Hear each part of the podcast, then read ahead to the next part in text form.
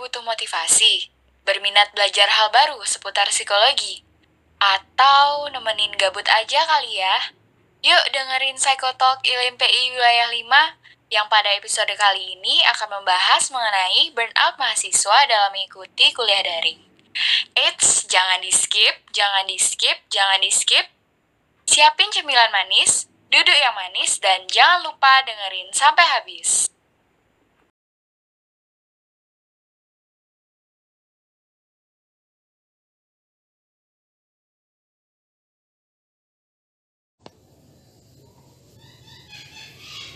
Oke, baik. Selamat malam untuk rekan-rekan IMPI Wilayah 5. Uh, eh, salam sejahtera untuk kita semua. Kali ini kita uh, kembali lagi di live streaming ILMPI Wilayah 5. Uh, eh, perlu diketahui ini adalah kali ketiga ILMPI Wilayah Wilayah 5 mengadakan live streaming dan membahas beberapa topik yang sedang hot.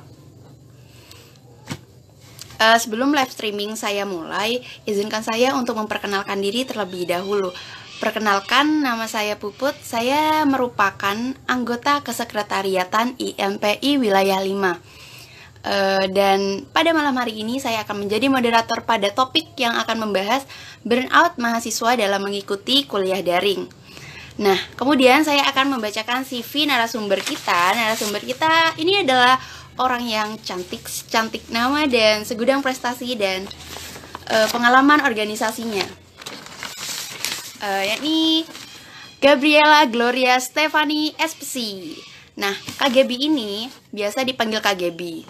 KGB ini juga merupakan fresh graduate dari uh, Universitas Brawijaya Malang yang akan berfokus pada psikometrik, berpengalaman dalam analisis data, penelitian kin penelitian kuantitatif dan kerja dengan Air Studio. Nah, KGB ini setahu aku juga hmm, uh, luar biasa sih dalam kegiatan akademik maupun ekstrakurikulernya. Penasaran gak? Nanti aku bakal bacain lebih lanjutnya lagi.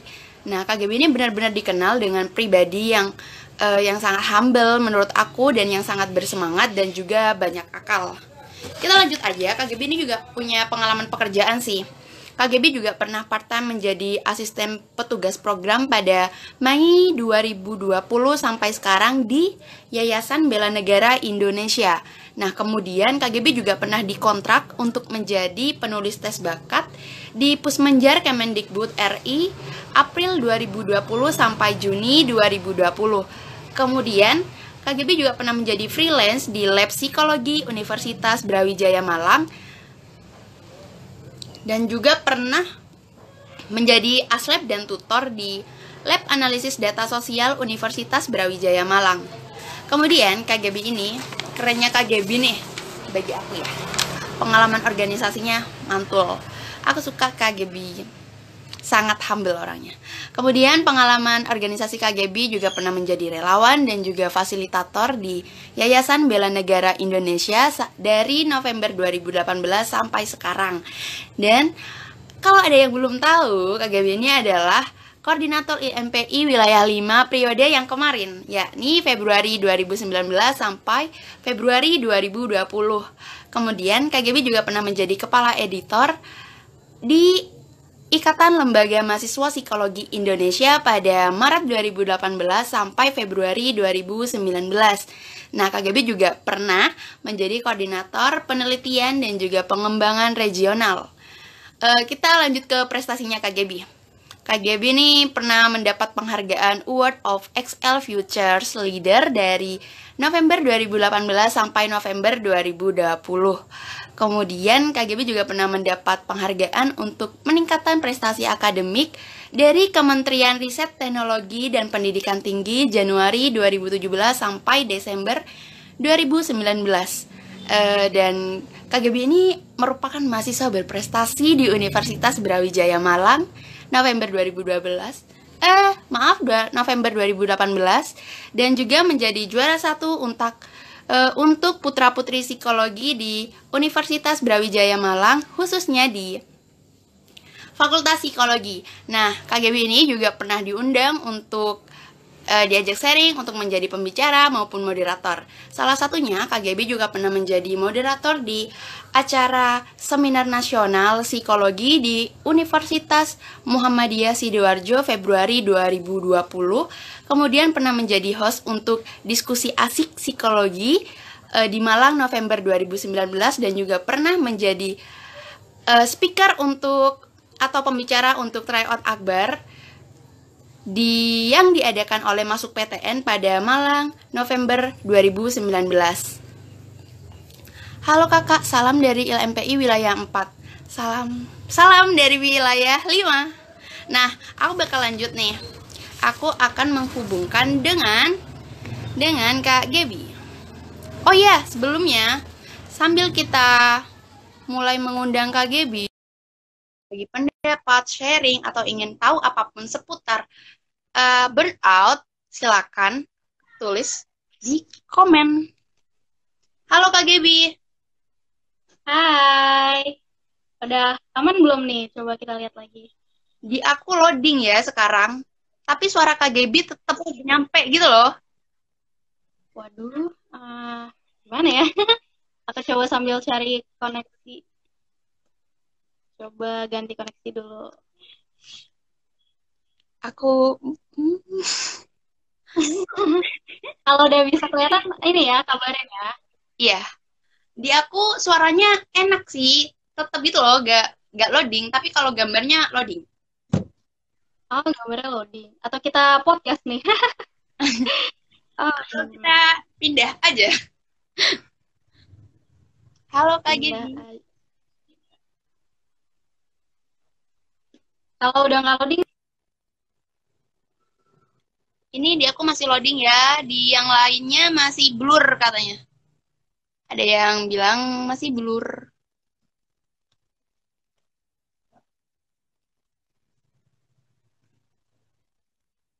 Ternyata setelah aku cek barusan, ternyata di di pas aku udah share di IGTV-nya itu, ternyata wajah KGB itu blur, tapi suaranya tetap Hmm, gitu. Hmm, ini masih belum kelihatan nih. Ini masih belum sih di aku ya. Ini aku udah berusaha ada di tempat yang koneksinya paling aman. Apa juga sebenarnya. Hmm. Ini ada masalah apa lagi? Biasa suka gini. gini deh. Apa? Mari kita uh, kalau misalnya sambil dengerin aja gimana? Aku sih setuju ya, soalnya suaranya sih tetap ya enak gitu loh, gak gak kesendat kesendat apa pun gitu, asik kesendat. Kalau suara ya? Kalau suaranya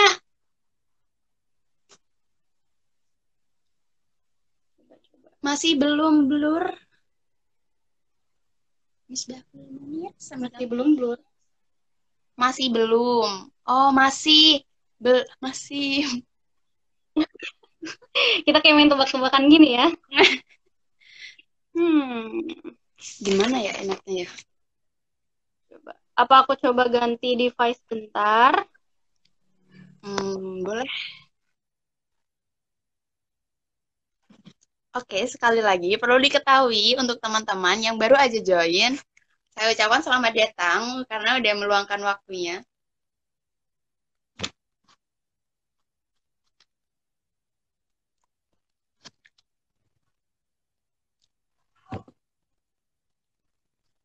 Sekali lagi perlu diketahui bahwasanya kalau kalian ada yang ingin diketahui atau ingin berbagi pendapat dan juga ingin sharing apa pun tentang hal yang berkaitan tentang topik kita pada malam hari ini, jangan sungkan-sungkan untuk nulis di kolom komentar.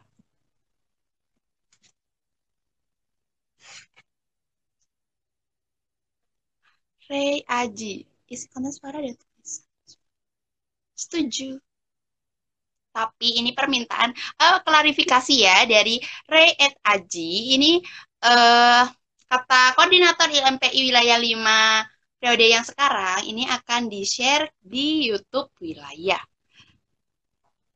Mari kita coba hubungkan lagi dengan Red. Sambil kita menunggu KGB, biar gak saya akan menyapa kalian semuanya. Siapa nih? Oke.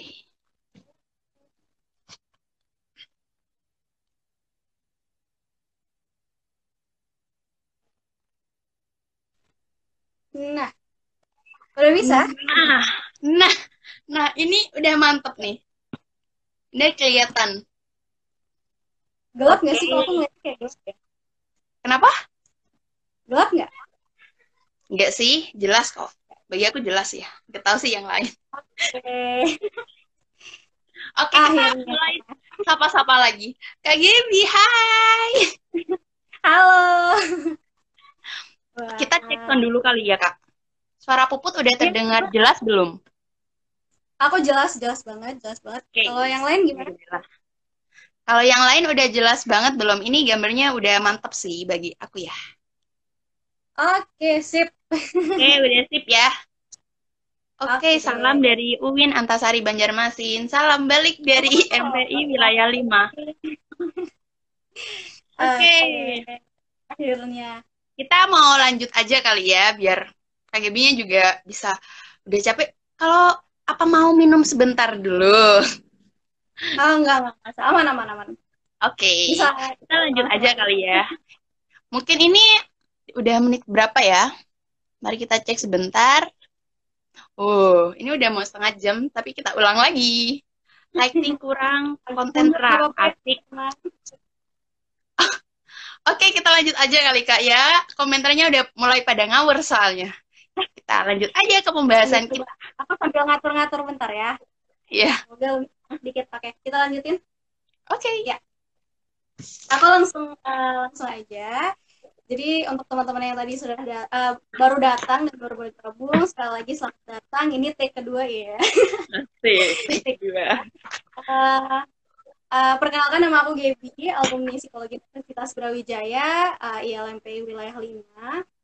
Dan hari ini kita akan bahas tentang burnout mahasiswa dalam mengikuti kuliah daring. Eh, semoga ini bermanfaat banget untuk teman-teman yang semuanya sekarang lagi kuliah daring ya. Karena kalau dari surveinya eh, ILMP Wilayah 5 kemarin, itu ternyata 99% dari followers dan yang eh, menjawab itu sedang mengikuti kuliah daring. Gitu. Nah, tadi aku, eh, oh, tapi kalau misalnya teman-teman gak kuliah daring juga nggak apa-apa. Eh, aku akan membahas lebih tentang burnout-nya dan strateginya untuk mengatasi eh, bisa di dunia akademis maupun secara umum. Dan eh, nanti kalau misalnya halnya hal teknis tentang perkuliahan kita langsung tanya jawab aja. Tapi intinya, eh, iya. Tadi aku udah jelasin ya kalau burnout itu bukan sekedar stres. Jadi eh, hati-hati dengan menyebutkan saya merasa burnout atau eh lu kayaknya burnout nih gitu. Hati-hati karena kita anak-anak psikologi pasti ngerti lah ya eh, perbedaannya. Eh, istilah-istilah klinis itu berbeda dan kita nggak boleh uh, self diagnose gitu. Jadi burnout dengan stres dengan hmm, kecemasan itu berbeda semua. Dan burnout ini ciri-cirinya adalah ada tekanan uh, atau stres yang berlebihan berkepanjangan tapi uh, tidak berhasil diatasi. Dan burnout itu juga ciri-cirinya bukan berarti ada tekanan terus langsung burnout juga, tapi sudah ada uh, usaha atau sudah ada sebelumnya itu sudah apa ya sudah ada usaha gitu. Jadi istilah burnout ini dulu muncul di kalangan pekerja-pekerja bukan uh, mahasiswa.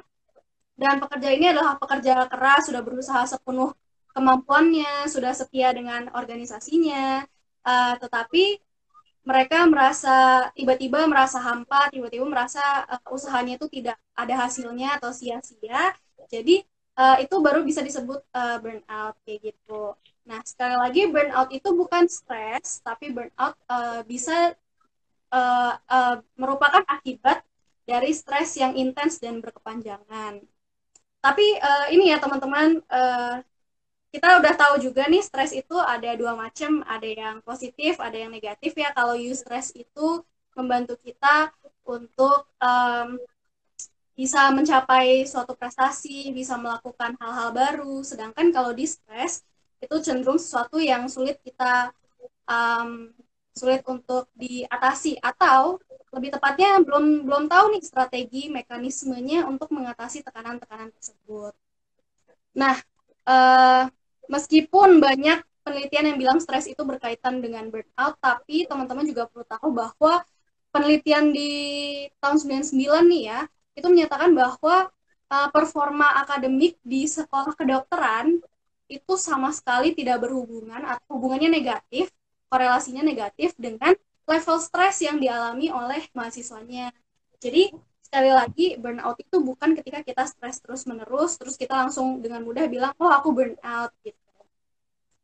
Nah uh, tadi sudah nyam uh, aku udah sampai kepada poin ini ya bagaimana kita mengatasi stres, uh, bagaimana kita bisa uh, menemukan coping mechanism dan yang disarankan oleh American Psychiatrist Association atau APA itu namanya resiliensi teman-teman. Biasanya ini istilah yang kita dengar ketika uh, ada kejadian bencana alam, terus ada kejadian uh, suatu hal yang traumatis, dan akhirnya itu membuat seseorang tuh jatuh atau down gitu ya. Tapi resiliensi ini adalah kemampuan untuk bangkit kembali. Kenapa sih hal ini penting? Kenapa hal ini penting? Karena uh, sekarang ini kita lagi di tengah pandemi teman-teman. Mungkin bisa disebut bencana sosial kali ya. Karena uh, tidak hanya mempengaruhi eh, teman-teman uh, di tempat teman-teman aja, tapi juga mempengaruhi satu kota, satu bangsa, bahkan satu dunia. Ya, teman-teman bisa update sendirilah tentang berita-beritanya. Dan ada perubahan, ada transisi yang begitu besar dari pola hidup kita yang lama ke yang baru ini di masa uh, pandemi ini. Dan perubahan yang tiba-tiba, perubahan besar yang tiba-tiba itu uh, merupakan tekanan. Itu nggak bisa kita pungkiri ya. Kita harus biasanya kita sesimpel biasanya kita uh, bangun jam 7 pagi terus tiba-tiba kita harus bangun jam 2 gitu. Atau biasanya kita bangun jam 4 terus tiba-tiba kita nggak bisa tidur. Uh, itu adalah perubahan-perubahan yang membuat kita tertekan dan ketika perubahan ini besar dan dia datangnya tiba-tiba itu pasti tekanan yang sangat hebat dan salah satunya berdampak di dunia pendidikan uh, di mana kita harus berpindah dari kuliah secara langsung uh, menjadi daring atau online. Dan uh, survei kecil-kecilan yang kemarin dilakukan di LMPI itu hmm, rata-rata pada bilang yang menantang saat kuliah daring adalah sulitnya berkonsentrasi, sulitnya uh, berinteraksi dengan teman-teman. Biasanya bisa asik-asikan di kelas, sekarang kesulitan gitu ya. Terus uh, beberapa mata kuliah itu sulit untuk dipahami secara mandiri atau ada juga yang bermas uh, apa menganggap tantangan ini dari dosennya atau kampusnya informasinya ini nggak jelas dosennya ini uh, mengajarnya nggak jelas dan yang paling paling bermasalah bahkan yang kita hadapin barusan ya itu kayaknya koneksi koneksi jadi oh. berkaitan dengan, dengan uh, kekuatan internet terus aplikasinya atau softwarenya atau alat uh, device yang digunakan. Pokoknya banyak banget teman-teman, pasti teman-teman bisa menyebutkan sendiri tantangan-tantangan untuk uh, uh, dalam melakukan kuliah daring ini. Nah, tapi balik lagi, uh, aku mau sharing sedikit apa yang menjadi uh, apa ya, solusi atau mekanisme yang baik yaitu untuk bisa belajar resiliensi. Jadi resiliensi ini adalah kemampuan yang bisa kita pelajari, kita latih dan kita kembangkan teman-teman. Uh, nah, resiliensi itu apa? Itu uh, dia uh, cara mengembangkannya gimana itu banyak. Kalau menurut APA itu bisa dengan membangun uh, pertemanan, membangun connection dengan orang-orang uh, dan lingkungan yang positif. Jadi bukan berarti di masa daring ini teman-teman jadi sendirian di rumah, enggak, tapi tetap teman-teman jaga hubungan dan interaksi dengan teman teman-teman di kampus lainnya, teman-teman di organisasi. Nah, itu membantu kita untuk tetap resilience. Terus yang kedua, uh, resilience ini bisa didapatkan dengan ketika kita menjaga diri kita. Ini pasti banyak nih tips-tips tentang uh, kuliah daring ya. Itu banyak yang selama ini jangan lupa istirahat, jangan lupa olahraga, makan yang sehat. Itu pasti banyak. Jaga kesehatan, cuci tangan itu benar banget.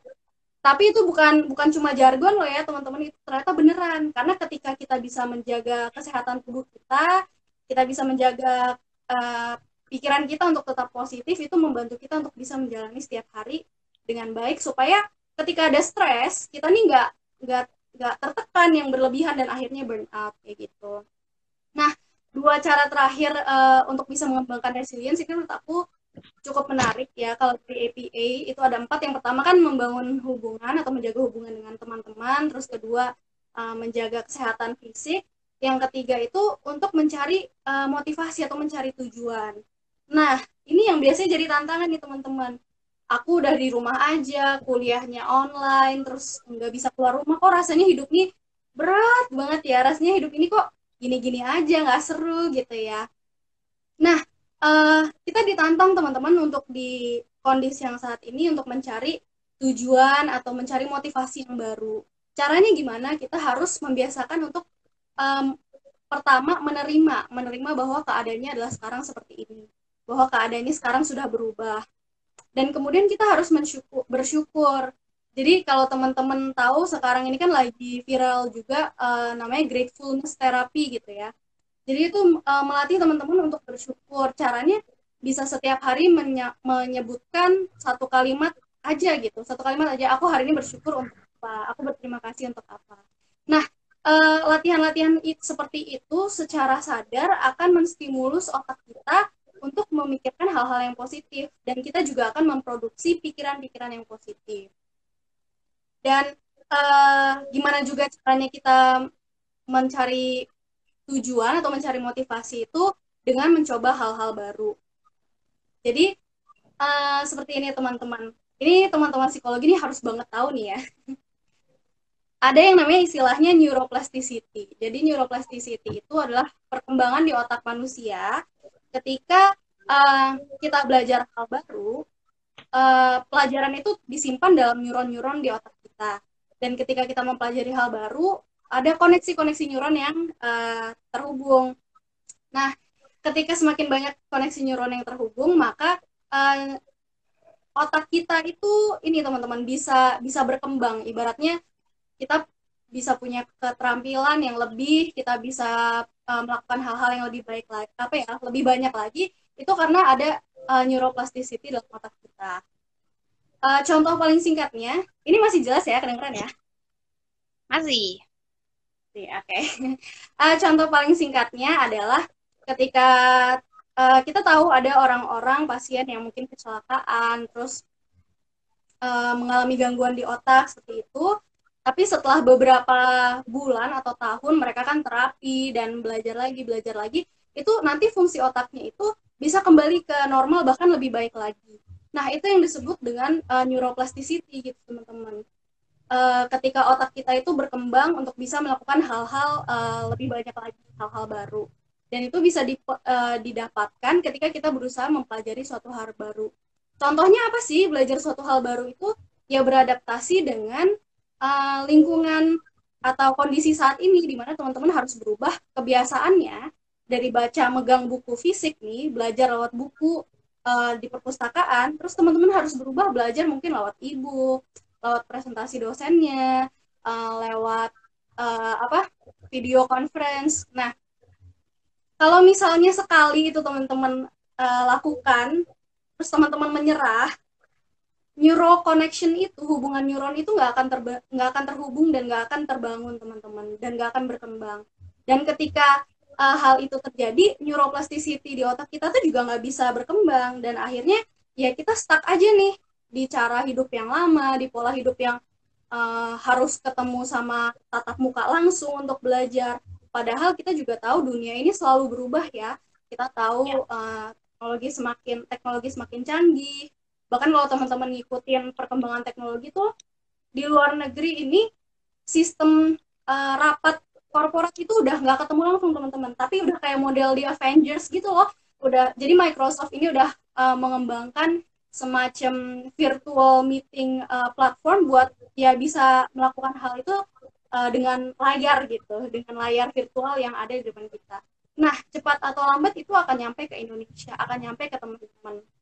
Dan kalau kita tidak bisa belajar untuk uh, resiliensi, kalau kita tidak bisa belajar untuk beradaptasi dan mengembangkan neuroplasticity ini, yang ada yaitu kita akan merasakan stres, kita merasakan tertekan, dan pada akhirnya burnout kayak gitu.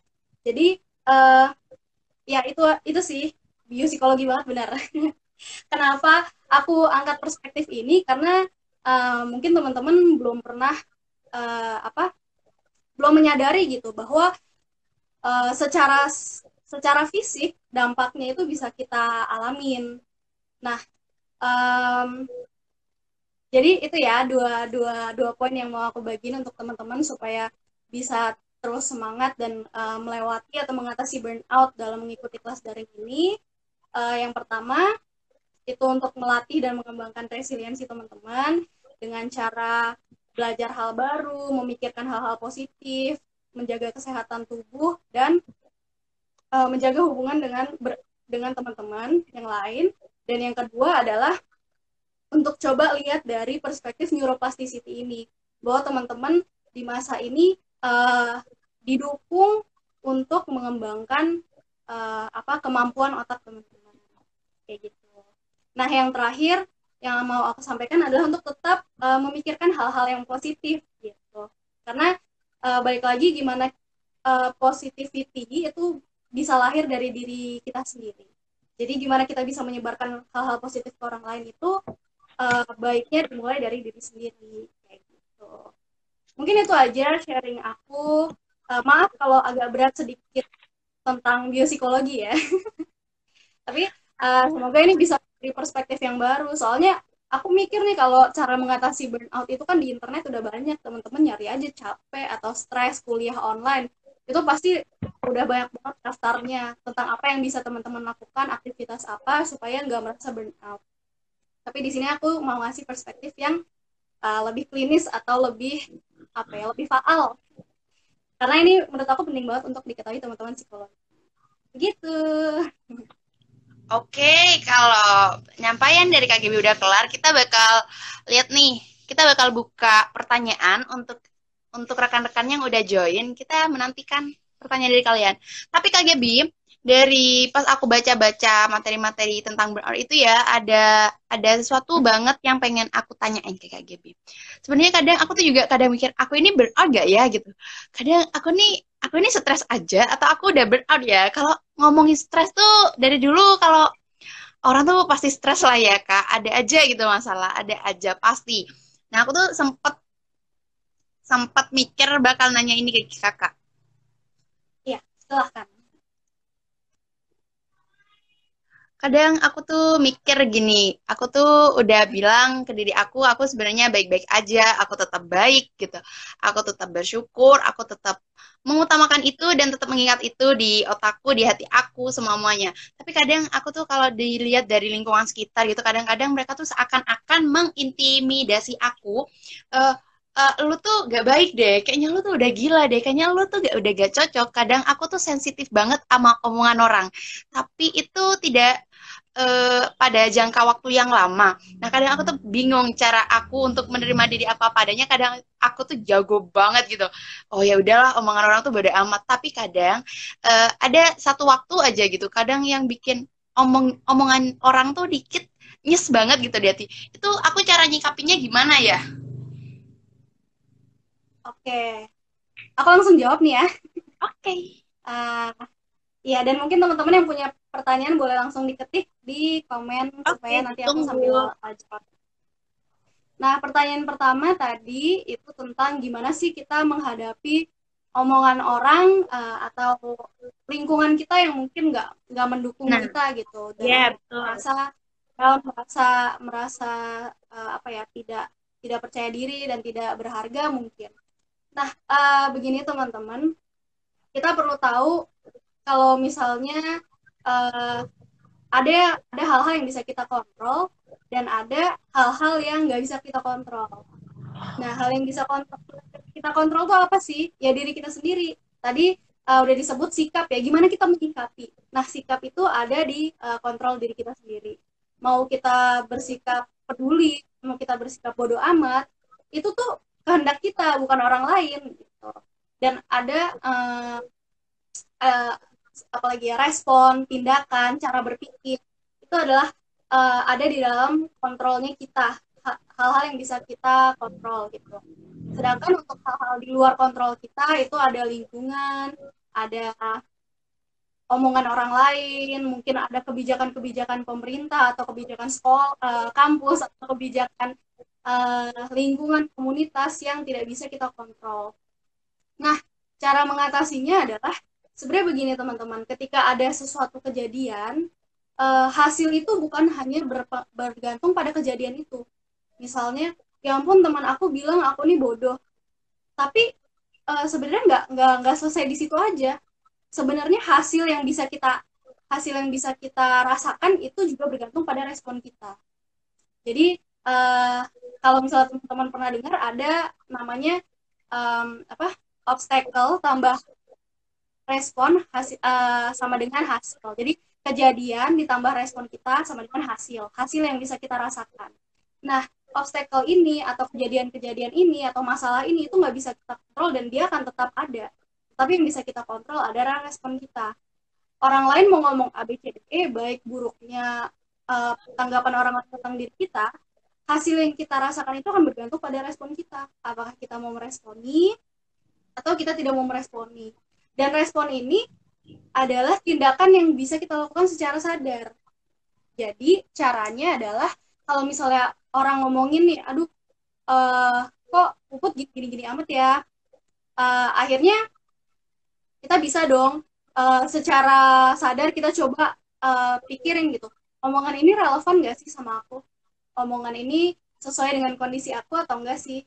Yang ngomong ini siapa? Dia tahu sebanyak apa tentang hidup aku, tentang latar belakang aku.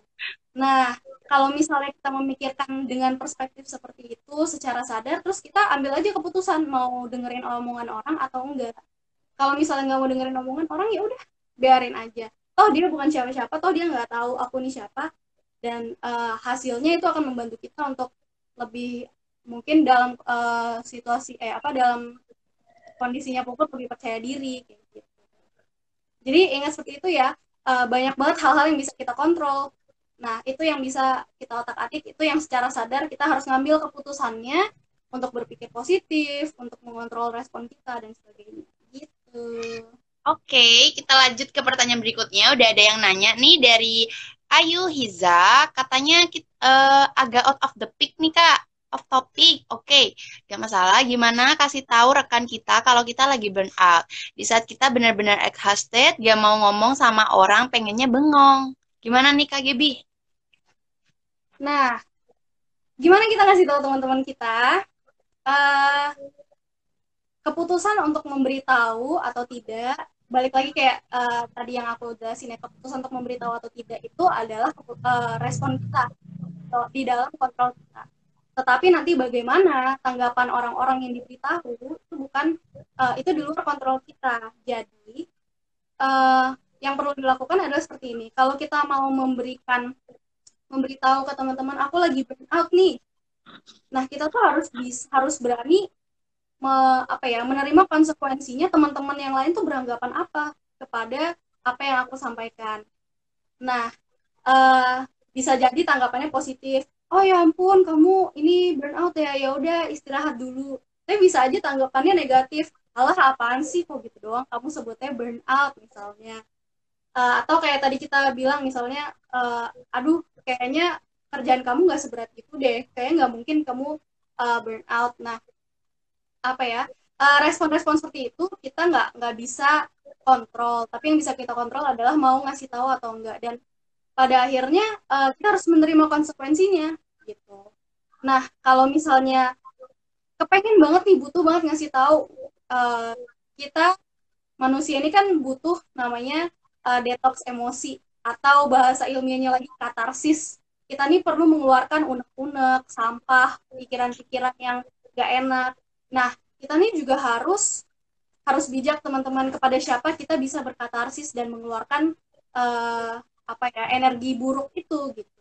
Karena ketika kita ibaratnya curhat nggak semua orang bisa menerima itu dengan positif. Nah sekarang ini banyak banget uh, apa ya layanan-layanan curhat online tuh banyak banget. Kalau misalnya teman-teman mau curhat secara anonim bisa kepada mereka.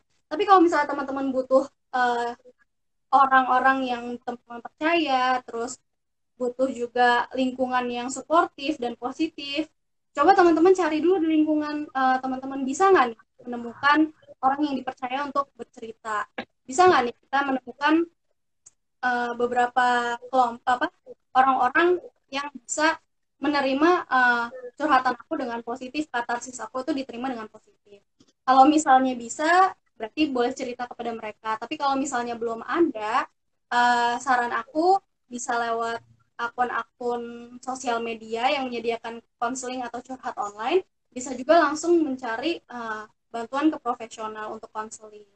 Jadi kayak gitu sekali lagi uh, tadi yang nanya Ayu ya.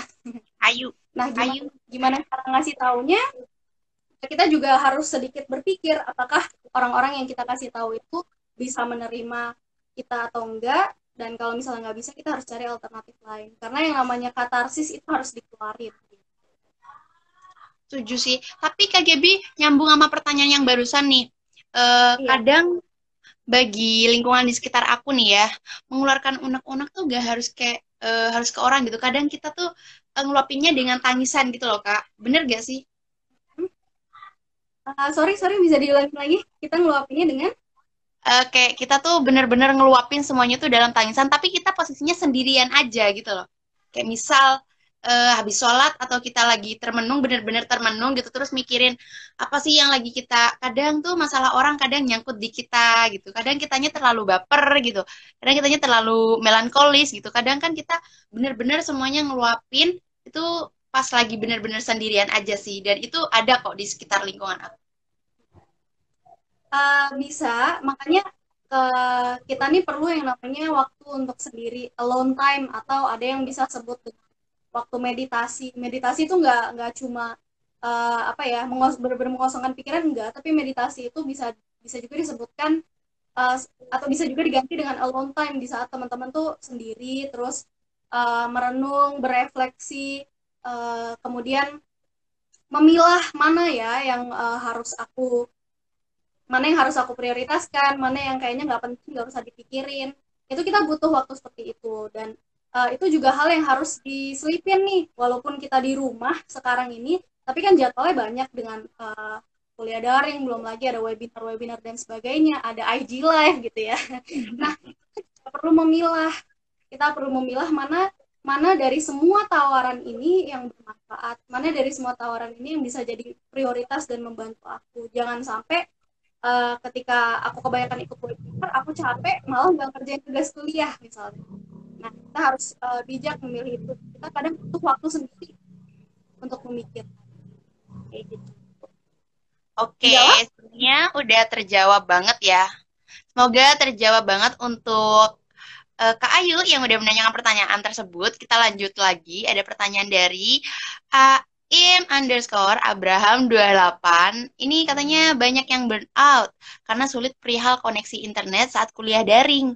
Penyaranin malah gak didengerin. Terus rekan kita pulang kampung yang di daerah pelosok yang susah sinyal. Gimana tuh? Ya, oke. Eh, kalau misalnya kita ngomongin tentang infrastruktur, mungkin uh, kita nggak bisa ber, bertindak banyak saat ini ya, karena uh, begitulah teman-teman kondisi Indonesia di beberapa tempat. Itu koneksinya bagus di beberapa tempat koneksinya uh, harus putus nyambung kayak gitu. Tapi uh, kita harus coba berpikir alternatif lain. Apakah hanya dengan menggunakan zoom aja kita bisa ber, berkomunikasi? Sebenarnya kan ada nih platform-platform uh, lain yang cukup ringan mungkin ya yang makan kuotanya nggak seberat itu Nah, mungkin kita bisa coba cari alternatif selain Zoom yang nggak bisa diinstal atau yang koneksinya buruk. Bisa nggak kita sedikit turutin standarnya deh, uh, misalnya pakai WhatsApp uh, video call. WhatsApp kan sekarang udah bisa banyak orang nih video callnya ya. Atau pakai Line. Atau uh, sesimpel uh, WhatsApp chat aja. Kita jadwal uh, apa dijadwalin jam sekian sampai jam sekian kita ketemu ngomongin ini ya. Uh, kenapa? Karena uh, sekali lagi itu kita uh, masalah koneksi ini masalah yang juga dihadapin banyak orang di banyak tempat di seluruh Indonesia.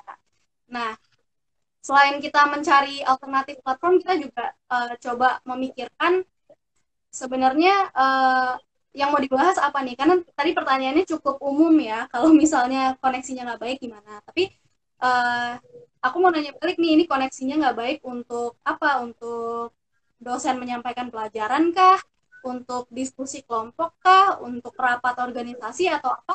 Karena uh, tujuan diadakan meeting atau pertemuan itu akan mempengaruhi nanti media yang digunakan. Jadi kalau memang bisa menggunakan itu benar tuh ada Google Hangout, ada uh, Skype, mungkin kalau ada yang pakai, terus ada Line, ada WhatsApp gitu. Kalau itu bisa di uh, di apa ya, utilize, digunakan dengan baik, itu gunakan dengan platform-platform uh, itu gitu. Oke, okay, apakah kakak Im Abraham udah terjawab dari pertanyaannya? Uh, aku mikirnya ada sih. Tadi ada yang nanya gini. Kak Gebi, tolong dong kasih saran. Cara paling, uh, bentar-bentar. Kak Gebi ada rekomendasi cara katarsis paling ringan dong. Dari hmm. Weng Weo. Wah, ini pertanyaannya banyak kan dari alumni sebenarnya ya. Jadi agak serem menjawabnya. uh, begini, uh, aku kan juga masih uh, aku masih apa namanya? masih banyak belajar juga dan mungkin berkaitan dengan hal-hal yang klinis ini aku nggak berani banyak ngasih saran uh, karena ya bukan bukan magister profesi kayak gitu ya bukan profesional dan bukan ranahku. Tapi uh, kalau uh, untuk diri aku sendiri simple aja ketika kita perlu katarsis mengeluarkan unek-unek dan sebagainya yang paling simple bisa dengan uh, menulis jurnal. Nah menulis jurnal ini nggak harus di buku My Dear Diary gitu enggak tapi bisa aja punya notes uh, di HP terus kalau lagi sedih atau lagi kesel bisa nulis di situ. Uh, atau bisa juga pakai voice recording. Jadi kita punya voice memo. Oh, ya isinya kita curhat aja. Curhat aja seakan-akan curhat sama uh, orang. Nah uh, tapi jangan curhat di media sosial. Gitu. karena apa? Karena kalau kita katarsisnya di media sosial ini sebenarnya bisa backfire ya. Jadi uh, dampaknya bisa kembali lagi ke kita merugikan kita. Contohnya kalau kita uh, jejak digital kita nih ditemukan oleh perusahaan yang mau kita kita mau lamar di perusahaan itu itu bisa jadi bahaya. Atau bisa aja uh, curhatan di media sosial ini nanti dipakai uh, apa mengakibatkan kesalahpahaman dan sebagainya dan sebagainya. Jadi hindari curhat di sosial media. Ya pokoknya paling simpel katarsis itu bisa dengan menulis menulis atau rekam voice atau itu cerita ke teman yang kita percaya gitu Oke. Okay. Weng well. Bukan platformnya. Oke, okay, ngomongin ya. orangnya, bukan platformnya. Nah, jadi balik lagi nih untuk uh, saudara Abraham ya.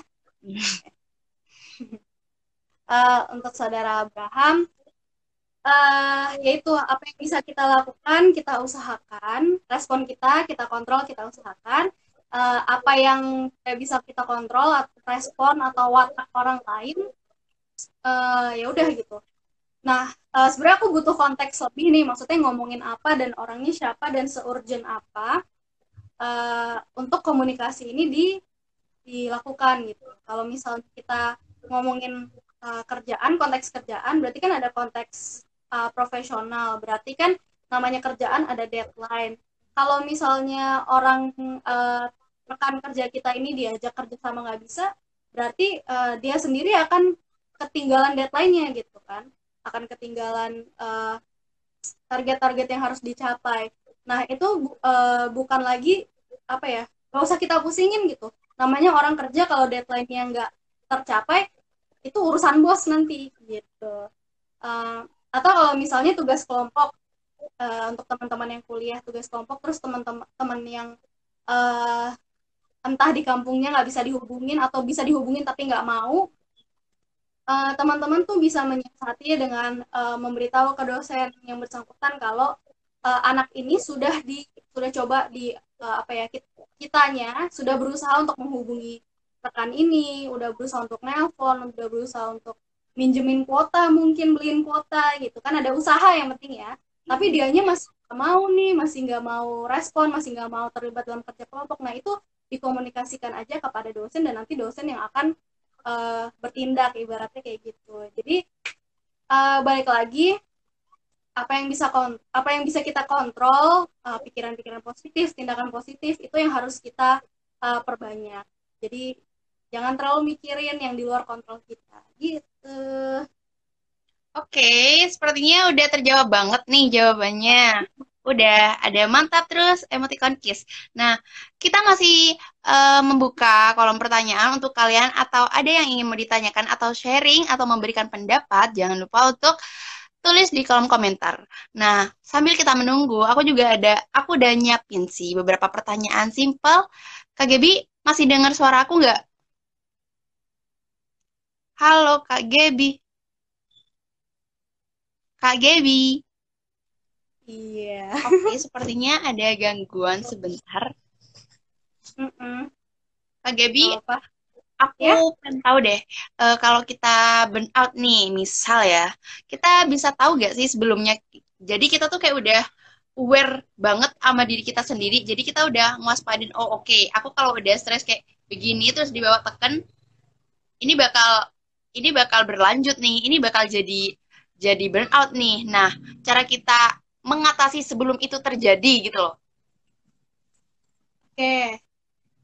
Itu pertanyaan yang bagus banget karena aku juga sebenarnya baru uh, ngalamin uh, stresnya ya bukan burnoutnya. Kita kita kalau kita udah kenal diri kita dan kemampuan diri kita by the way ini koneksinya udah oke okay ya?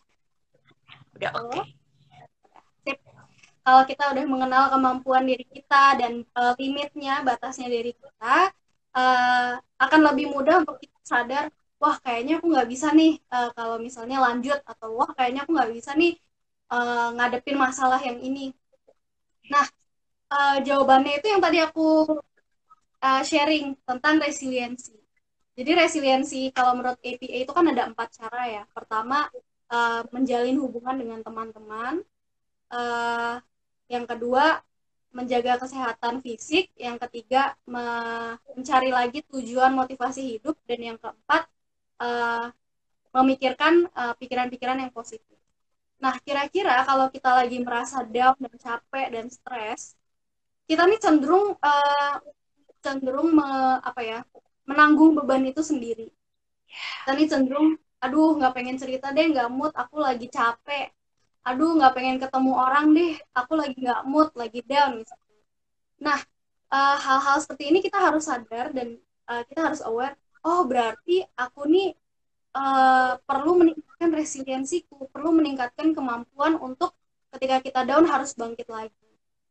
Gimana caranya ya bisa dengan kita paksain aja ketemu temen gitu, paksain aja kita uh, kalau kalau sekarang mungkin uh, ini telepon, telepon teman atau video call gitu. Itu itu juga yang aku lakukan kemarin sempat stres, banyak pikiran, banyak tekanan. Yang akhirnya uh, aku walaupun moodnya lagi nggak lagi down walaupun energinya lagi down ya udah aku telepon temanku aku cerita. Aku aku ngomongnya gini sih aku bingung nih ceritanya gimana aku lagi ngerasa nggak enak lagi ngerasa down tapi ini yang sedang aku alamin. Nah aku ceritain. Atau uh, segi yang uh, atau cara yang kedua ketika kita lagi down dan lagi sendiri dan mungkin waktu itu nggak ada teman yang bisa dihubungin coba cari aktivitas-aktivitas uh, fisik yang sehat. Bisa dari uh, apa namanya olahraga atau yang sekarang di masa karantina ini yang terkenal kan uh, masak ya. Banyak orang mencoba masak atau bahkan seni uh, menggambar melukis atau bermain musik atau belajar bahasa baru uh, atau baca buku. Nah itu kegiatan-kegiatan yang bisa membantu uh, kita untuk seperti refresh. Jadi otak kita nih udah capek banget itu seperti kayak uh, hibu uh, entertainment ya hiburan untuk uh, refresh lagi otak kita. Atau yang ketiga kita coba mencari tujuan. Ah uh, tujuan atau motivasi ini aku baru ingat tadi itu bukan cuma sekedar mencari men, me, apa ya bukan sekedar goal setting atau memikirkan kita mau jadi apa dan mau ngapain tapi bisa juga dengan membantu orang lain.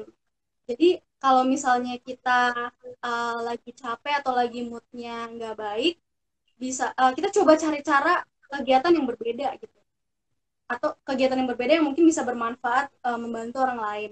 Kan kita akhirnya uh, dikondisikan ya kayak si Pavo ya dikondisikan untuk uh, perform untuk melakukan sesuatu, untuk menciptakan sesuatu, dan itu akan membantu kita untuk uh, otak kita itu apa ya seperti koneksinya di di refresh ulang supaya uh, bisa tidak down lagi. Gitu.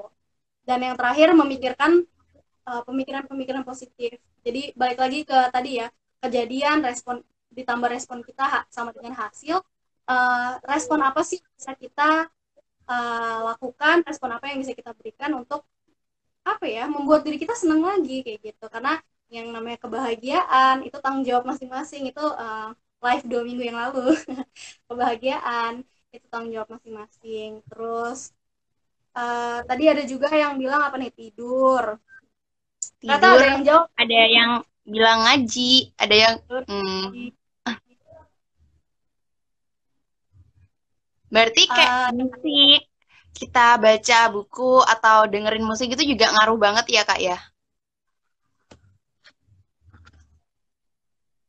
Bisa. Halo?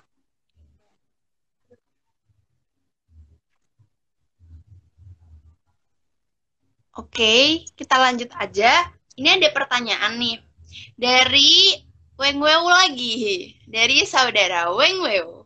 Nah, katanya tuh oh, ya. itu namanya kenalan dulu dong. Kenalan namanya... deh. Namanya siapa deh? Urwah, Urwah. Urwah. Katanya nih, kata kakak Urwah, kalau burn out tapi rasanya mau makan orang, gimana cara buat berkatarsisnya? Kasihan orang kalau kena caplok, tapi kalau ditahan juga gak enak. Ah, uh, katarsisnya yang pasti jangan ke orang yang kita yang bikin kita kesel ya. Oke. Okay. Maksudnya uh, katarsis itu kalau sama teman sendiri, uh, teman curhat sendiri, biasanya kita menggunakan kata-kata kasar tuh nggak apa-apa loh. Maksudnya kita meluapkan emosi, kita meluapkan kekesalan, itu nggak apa-apa. Selama itu teman yang kita percaya dan orang itu juga uh, suportif gitu orang itu juga bersedia untuk mendengarkan atau balik lagi dengan kata artis mandiri tadi dengan menulis atau atau voice note itu juga bisa uh, maksudnya kayak yang tadi aku bilang ya jangan jangan mikir menulis jurnal itu menulis di uh, diary yang kata-katanya harus indah harus puitis enggak. Kadang tuh dengan marah uh, meluapkan amarah di situ uh, meluapkan kekesalan kekecewaan di situ dengan bahasa yang sangat kita banget jadi nggak uh, usah bahasa yang indah lah. Pokoknya bahasa kita kayak ngomong ke orang beneran atau bahkan bahasa yang kita gunakan untuk ngomong ke orang yang bikin kita kesel itu ditulis aja. Nah itu bisa jadi bentuk katarsis yang mandiri. Atau uh, lebih tepatnya mungkin bagaimana uh, mengontrol emosi gitu ya bagaimana kita uh, mengontrol amarah kita.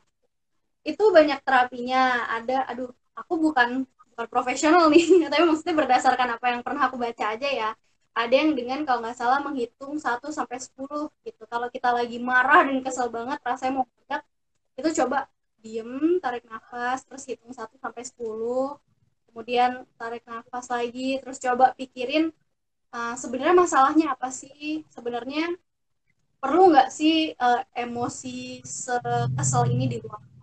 Kayak gitu. Waktu itu menjawab ya.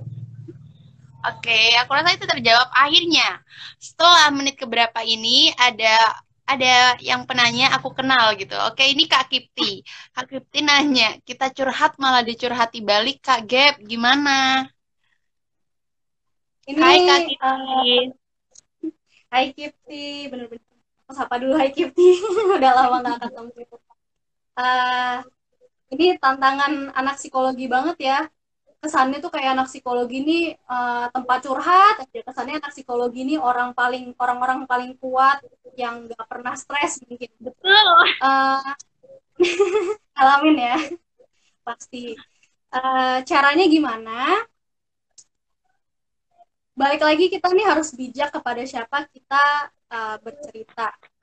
Kalau misalnya orang yang diceritain ini juga anak psikologi bisa nih diajak kong kali kong lah atau ibaratnya diajak uh, bikin kesepakatan dulu misalnya uh, puput aku percaya sama kamu aku pengen cerita keadaan aku tapi tolong jangan uh, judge, jangan kasih nasihat, karena aku nggak butuh solusi dari kamu saat ini. Mungkin nanti aku butuh, tapi sekarang aku pengen ngeluarin aja sih unek-unekku. Misalnya kita bikin kesepakatan dulu gitu ke teman kita. Uh, kalau misalnya itu anak psikologi itu pasti mudah ya kita ngomongnya. Jadi bikin aja kesepakatan seperti itu. Kalau dia oke okay, oke okay, tinggal lanjut cerita. Tapi kalau misalnya kita mau cerita ke orang yang uh, bukan anak psikologi terus nggak nggak ngerti mungkin caranya mendengarkan uh, gimana ya kita bisa kita bisa uh, ini aja kita pikir pikir dulu. Maksudnya bisa nggak ya cerita ke orang itu? Atau harus mencari orang lain yang lebih dipercaya Nah, aku yakin sih kalau teman-teman di LMPI ini sebenarnya uh, adalah orang-orang yang uh, bisa dipercaya. Teman-teman psikologi ini menurut aku di LMPI orang-orang yang bisa diajak, "Put, aku mau cerita tapi kamu uh, dengerin aja dulu ya." Nah, coba cari aja di di di, di lingkungan LMPI di wilayah sendiri atau di wilayah uh, yang lain siapa ya orang-orang yang bisa aku percaya untuk bercerita. Nah, tapi karena kita sama-sama anak psikologi berarti jangan jangan cuma minta kita cerita ke dia. Nanti gantian sistemnya gitu. Uh, nanti setelah aku tahu mungkin kamu juga punya ada yang pengen diceritain juga ada unek-unek juga. Nanti setelah aku cerita gantian ya. Kamu yang cerita aku yang uh, dengerin aja. Nah uh, itu akan mempermudah kita sama anak psikologi untuk saling support saling dukung. Ya begitu Kipti Gimana? Kipti udah kejawab belum? Kejawab banget dong, ketolong ya. Kayak nampar diri sendiri aja gitu kerasanya. Oke, okay, sepertinya kita udah mau satu jam tapi masih belum. Jadi masih kita buka kolom pertanyaan untuk kalian ada yang mau ditanyakan atau di didiskusikan bersama. Silakan, silakan. Sambil aku ya. lihat-lihat yang join oh ini ada dari se Jono Fajar dianggap teman dan lingkungan anak psikologi sama dengan dewa. Ketika marah dibilang gak bisa ngatur emosi, dikira bisa baca pikiran, gak boleh stres, galau, dan lain-lain. Gimana tuh kak? ya, bener. Uh, gimana?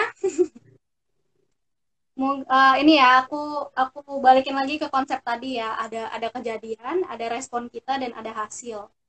Nah kalau memang kejadiannya seperti itu uh, bagaimana kita respon sebagai anak psikologi? Ya gini aja. Orang-orang itu nggak ngerti kalau anak-anak psikologi ini juga manusia. Kita ini bukan dewa. Kita juga bisa stres bisa sedih bisa bingung bisa eh, nggak uh, mood ngapa-ngapain tuh bisa banget. Nah apakah kita perlu merespon omongan mereka? Uh, kayaknya nggak perlu gitu.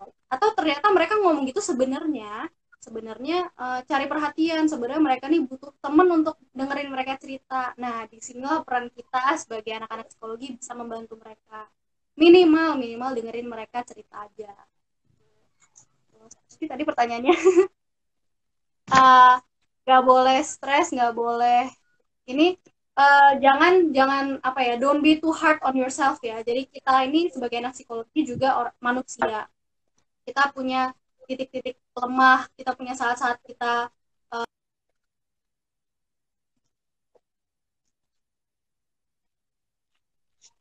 uh, gimana caranya? Seperti yang dari tadi kita udah omongin bisa dengan katarsis lewat menulis lewat bercerita. Ketika kita capek atau ketika kita lagi moodnya down jangan denial tapi uh, kita coba uh, gimana ya kita coba uh, menyelesaikan masalah kita sendiri dan kalau memang kita nggak bisa menyelesaikan masalah itu baru pergi ke teman atau ke profesional jadi nggak apa-apa maksudnya jangan merasa takut untuk minta bantuan sebagai anak psikologi karena ya kita juga manusia Oke, kita lanjut. Kita lihat, adakah pertanyaan yang lainnya? Aku malah pernah disuruh ngeramal masa depan. Oh. Nah, ini juga tugas anak-anak psikologi nih untuk meluruskan apa sih ilmu psikologi itu. Itu ya.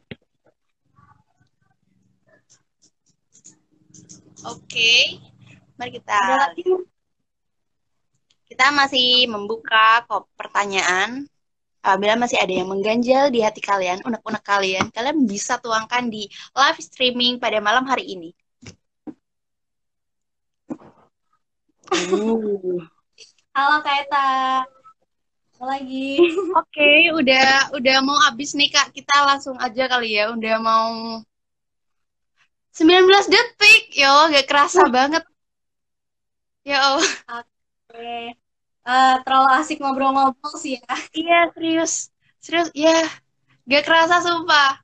Ya, ya, ya, ya. Atau kalau misal ini kelar, kita Oke, okay, kita bakal lanjut lagi sambil menunggu Kak Gaby join kembali. Sudah, sudah kembali.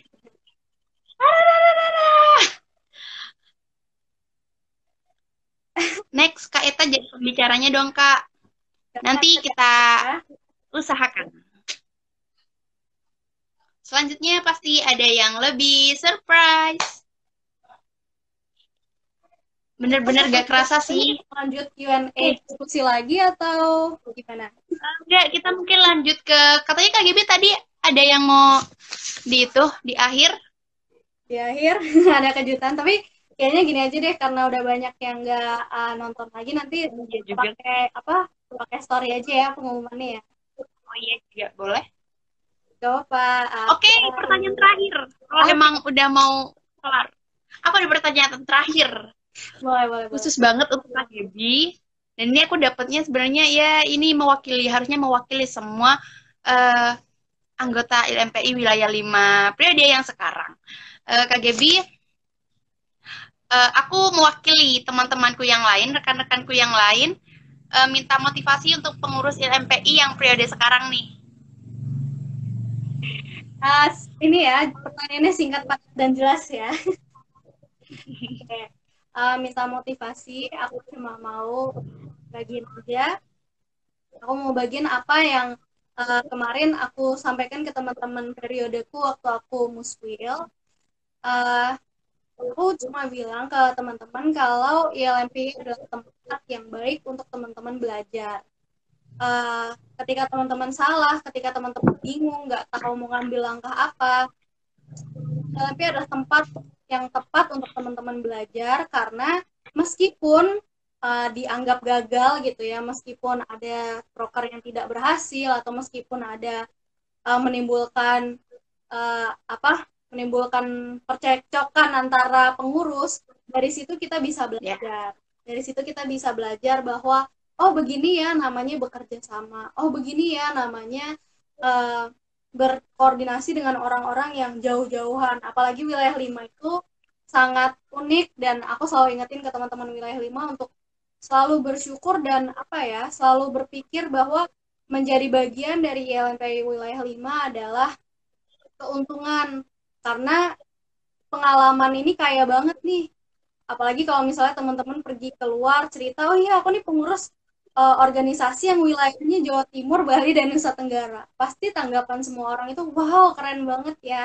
Nah, itu harus selalu dijadiin motivasi, jadiin penyemangat buat kita. Uh, di sini aku nggak cuma numpang nama doang, tapi aku bisa melakukan sesuatu minimal berjejaring dengan sesama teman-teman psikologi yang jaraknya ratusan kilometer uh, menyeberangi lautan. Jadi uh, itu coba itu yang terus dipikirkan bahwa uh, menjadi yang selalu bersyukur ya. Terus ya, pengurus ILMP wilayah 5 atau anggota ILMP itu adalah privilege yang baik untuk uh, teman-teman. Dan uh, per, uh, dan jangan lupa ya ini adalah tempat belajar. Jadi kegagalan atau hal-hal yang tidak terjadi sesuai dengan ekspektasi itu dianggap aja sebagai pelajaran. Dianggap saja sebagai oh begini ya rasanya. Oh begini toh pengalamannya. Nah, dengan berpikir seperti itu, kita akan tetap termotivasi sih tetap berpikir positif dan uh, pokoknya balik lagi kayak yang tadi aku bilang semangat dan pemikiran positif itu datangnya dari dalam diri kita. Kalau kita bisa kalau kita mengambil keputusan untuk secara sadar aku mau bersif, bersikap positif hari ini. Nah itu akan membantu kita untuk benar-benar bersikap positif kayak gitu. Jadi untuk teman-teman ILMP wilayah 5 teman-teman pengurus tetap semangat.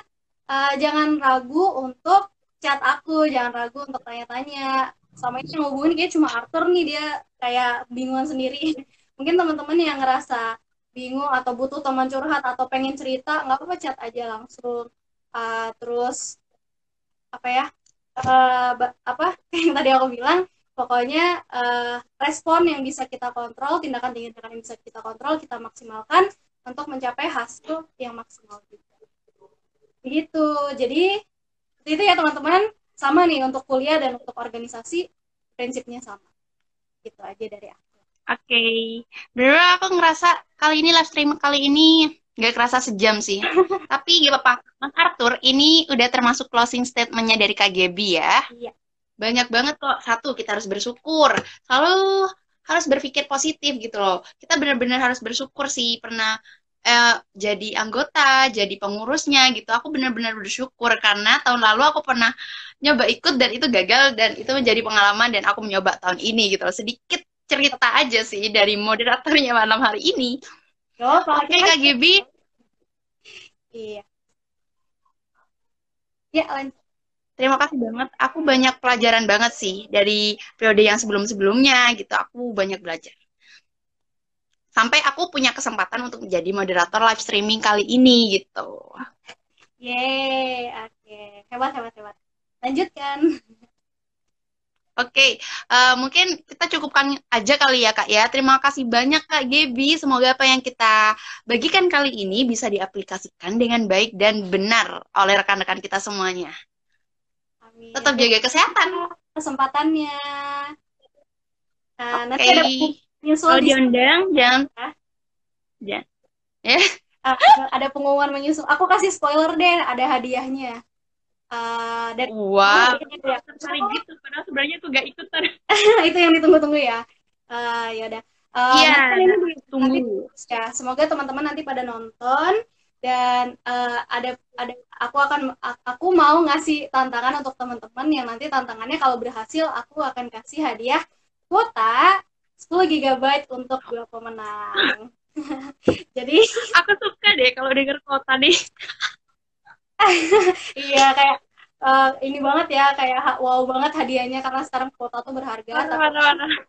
Aku mau bagi-bagi ke teman-teman yang udah udah mengeluarkan kuota buat nonton live hari ini uh, dan ada tantangannya nanti jadi uh, yang ketinggalan nanti bisa nonton lagi dan semoga kalian menang.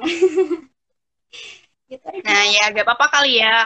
Live yang kali ini nih uh, gambar akan nih gak muncul tapi bagi aku gak masalah lah ya. Yang penting suaranya dapet banget sih, jelas banget. Pokoknya gak ada kendala banget, cuma di visualnya aja. Uh, nah baik rekan-rekan yang tersisa empat orang aja terhitung dari aku Mas Arthur dan juga Mas Gaby. Oh ada yang baru join. Oke selamat datang yang baru join. Ini udah mau uh, mau closing tapi gak masalah. Semoga nanti uh, saudara Murafli bisa lihat di postingan IGTV di MPI Wilayah 5. Saya mohon maaf, uh, Kak Gebi, terima kasih ya sekali lagi, terima kasih sebanyak-banyaknya. Terima kasih juga. Oke, okay. Kak Gebi, uh, Kak Gebi dan untuk yang ya oke okay, sedih, eh uh, gak boleh sedih ya, ini desain ulang kok nanti di IGTV. Koordinatornya keren kok periode sekarang. Yeah. Harus lebih keren. Ngebanggain koordinator sendiri. Harus. Mantap. Uh, saya selaku moderator Puput, saya Puput selaku moderator ingin mengucapkan uh, mohon maaf apabila ada kesalahan uh, dalam perbuatan maupun dalam kata-kata. Uh, saya ingin menutup live streaming kali ini. Saya ucapkan terima kasih. Jaga kesehatan selalu. Sampai jumpa lagi. Terima kasih. Dadah.